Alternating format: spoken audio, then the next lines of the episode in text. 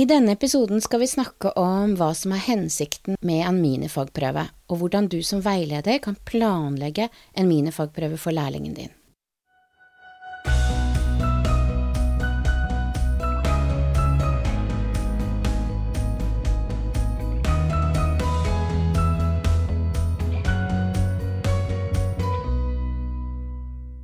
Velkommen til denne episoden av Veilederbua. Vi som sitter i studio her i dag, er Heidi Bakken Rygnestad og Tove Hansen. Vi jobber begge ved Opplæringskontoret for helse- og oppvekstfag, og lager denne podkasten for deg som er veileder for en BUA-lærling i Oslo kommune.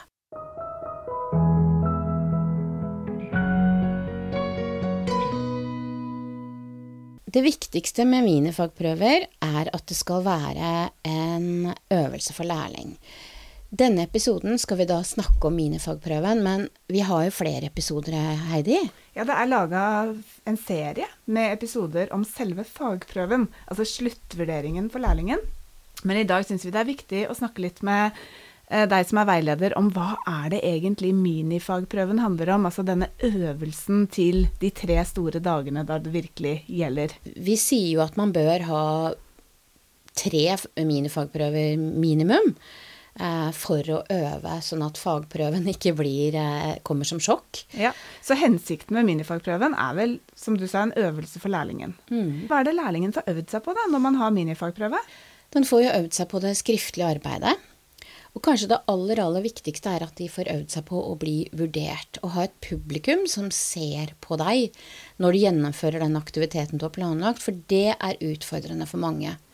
Og hvis man venter helt til fagprøven med å bli vurdert, så kommer det jo også ukjent prøvenemnd og vurderer. Men på minifagprøven er det jo en trygg og kjent person som er veilederen, som skal se på, observere og vurdere.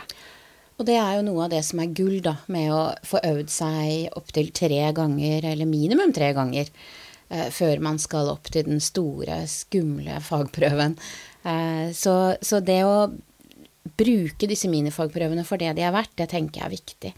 Lærlingen vil jo også få øvd seg på alle delene av eh, en aktivitet. Både det å planlegge en aktivitet, å gjennomføre aktiviteten, dokumentere hva man har gjort, og evaluere i etterkant. På fagprøven så får du fire oppgaver. eh, Og ved å ha en minifagprøve, så vil du få øvd deg på alle deler av den prøven. Så den ene hensikten med minifagprøve er jo at lærlingen skal få øve seg. Hva tenker du er den andre eh, grunnen til å gjennomføre minifagprøve?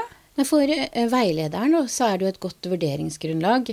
Eh, de får eh, vite hvordan lærlingen står i forhold til det skriftlige arbeidet, men også i forhold til, til hvordan, hvor trygg de er i den situasjonen når de skal være en god voksen på gjennomføringen da, Ja. for barna.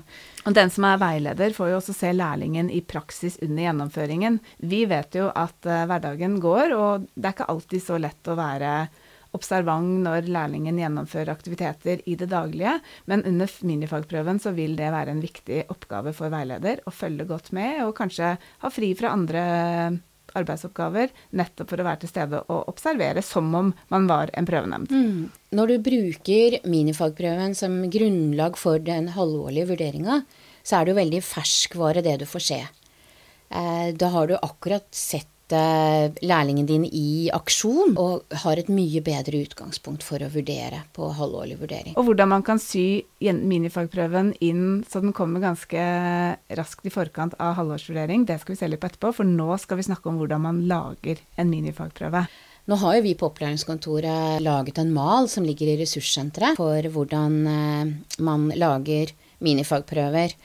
Eh, og det ligger i mappa som heter minifagprøve, merkelig nok. Eh, og her får du støtte til hvordan du skal lage en minifagprøve. Og du sa i stad tre minifagprøver. Det er jo det de ordinære lærlingene med to års læretid har. Det vil si i snitt omtrent en minifagprøve i halvåret. Så dersom du er veileder for en lærling med en annen type lærekontrakt, f.eks. fagbrev på jobb, så se litt på hvor lang læretida er, og prøv å regne deg fram til hvor mange som trengs eh, på vei til fagprøve. Én hvert halvår er litt minstekravet fra vår side. Eh, Du kjenner jo lærlingen din eh, best, du som er veileder eh, og, eller faglig leder, og ser dem i hverdagen. Sånn at du må ta utgangspunkt i lærlingen og hvor den står i forhold til hvor vanskelig og omfattende minifagprøven skal være. Men den siste minifagprøven før fagprøven bør være nesten identisk med hvordan en fagprøve ser ut. Altså med fire fulle oppgaver, slik den er beskrevet i malen som ligger i ressurssenteret. Mm. Men en myk start, da? Kan du gi et eksempel på hvis man har en lærling som kanskje er usikker på skriftlig arbeid, uh, usikker på gjennomføring og skal ha sin aller første minifagprøve, hvordan kan veileder tilpasse minifagprøven til denne lærlingen? Jeg tenker at uh, kanskje man skulle ikke kreve at de fyller hele planskjemaet, men at man starter kanskje med hva, hvordan og hvorfor og mål og aktivitet.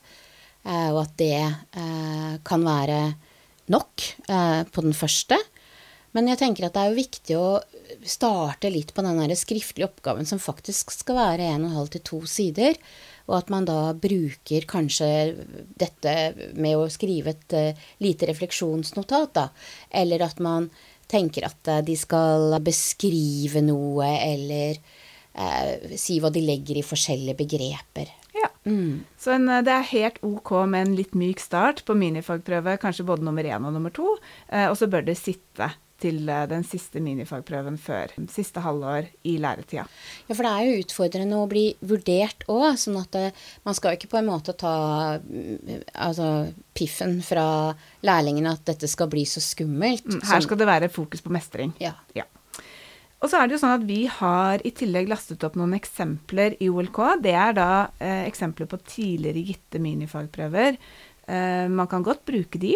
Eh, man kan bruke de til inspirasjon, eller man kan lage helt egne. Og det er jo nettopp det at en minifagprøve skal jo være sydd litt sammen sånn at det passer med stedets andre planer og rammer også. Så føl, føl deg fram, og bruk gjerne egne planer og eget eh, kreativt hode for å lage en minifagprøve til lærlingen din, hvis du føler at du har lyst til det. Mm. Den malen vi har laget for minifagprøven, den kan du bare klippe og lime inn i, og så ligger den der sånn at du kan på en måte tilrettelegge det helt til lærlingen din og til arbeidsplassen. Flott. Men da har vi snakket om både hensikten med minifagprøven, og vi har snakket om hvordan man lager en minifagprøve. Så la oss oppsummere hensikten med minifagprøven. Eh, lærlingen skal jo bruke minifagprøven til å øve seg til selve fagprøven. Og det er jo både å øve seg på det skriftlige og det å levere fra seg noe arbeid, men også å bli observert og vurdert. Og i tillegg til det så er dette et godt vurderingsgrunnlag for den halvårlige vurderinga. Og, og, tipset da, er jo til deg som er eh, veileder, er å ha minifagprøvens dag tre på samme dag som det gjennomføres halvårsvurdering. Du finner støtte til å lage minifagprøver i ressurssenteret i OLK. Og med det så er det vel bare å ønske dere lykke til med å lage minifagprøver for lærlingene.